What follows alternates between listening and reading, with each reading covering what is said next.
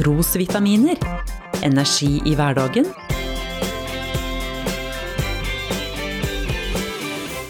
Ved Norea-pastor Svein Anton Hansen. Den glade vandrer kalles jeg, for sorgløs går jeg på, den endeløse landevei, der liker jeg å gå. Du har sikkert opptil flere ganger iallfall gått og nynna på denne melodien, den der sangen med falleri og fallera. Ja, godt humør og en positiv livsholdning på livsveien, det har aldri skada noen.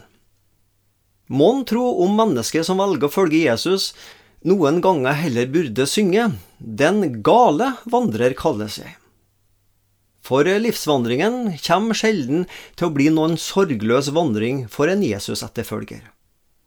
Bibelen lar oss møte mange som betalte en høy pris for å bli Guds barn og en Jesu disippel. Moses, prinsen av Egypt, menneskelig talt valgte han galskapens vei. Han valgte heller å lide ondt sammen med Guds folk enn å ha en kortvarig nytelse av synden. Han aktet Kristi vanære for en større rikdom enn skattene i Egypt, for han så fram til lønnen. Slik skriver forfatteren av Hebrebrevet om Moses. Tenke seg til å velge bort mulighetene rikdommen som arveprins Egypt vil gi deg, for å leve som en fattig jøde. Moses, du må være gal. Slik prøvde kanskje Mose nære venner ved faraos hoff å advare han apostelen Paulus, fariseeren som skifta parti og gikk over til fienden, de kristne. Paulus var høyt respektert som skriftlærd og fariseer. Nå hadde han valgt en ny vei, å følge etter Jesus, han som Paulus tidligere motarbeida. Denne galskapen, det kosta Paulus ære og respekt. Men også i dag velger mennesker galskapens vei muslimen som innser at profeten Muhammeds lære ikke fører han i kontakt med Gud Allah. I stedet oppdager han at profeten Jesus, som også Koran skriver om, virkelig er Guds sønn, verdens frelser.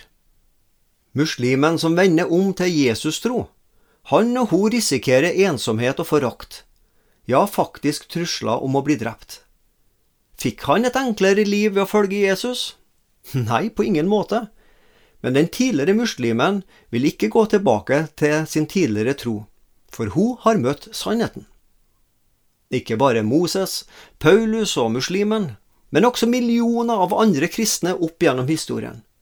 De innså at det var ingen sorgløs vei de valgte å vandre på. Likevel, ganske så sikkert har mange mumla stilt for seg sjøl, at det får koste hva det vil, men jeg skal hjem til himmelen. Alle troende, ikke minst de forfulgte, henter styrke og mot fra vissheten om at også Jesus la ut på galskapens vandring. Vi takker Han som valgte å vandre fra himmelens høye slott ned til vår arme jord, for å frelse oss fra fortapelser og til himmelen. Du har lyttet til Trosvitaminer med Norea-pastor Svein Anton Hansen. Du finner trosvitaminer på noreapastoren.no.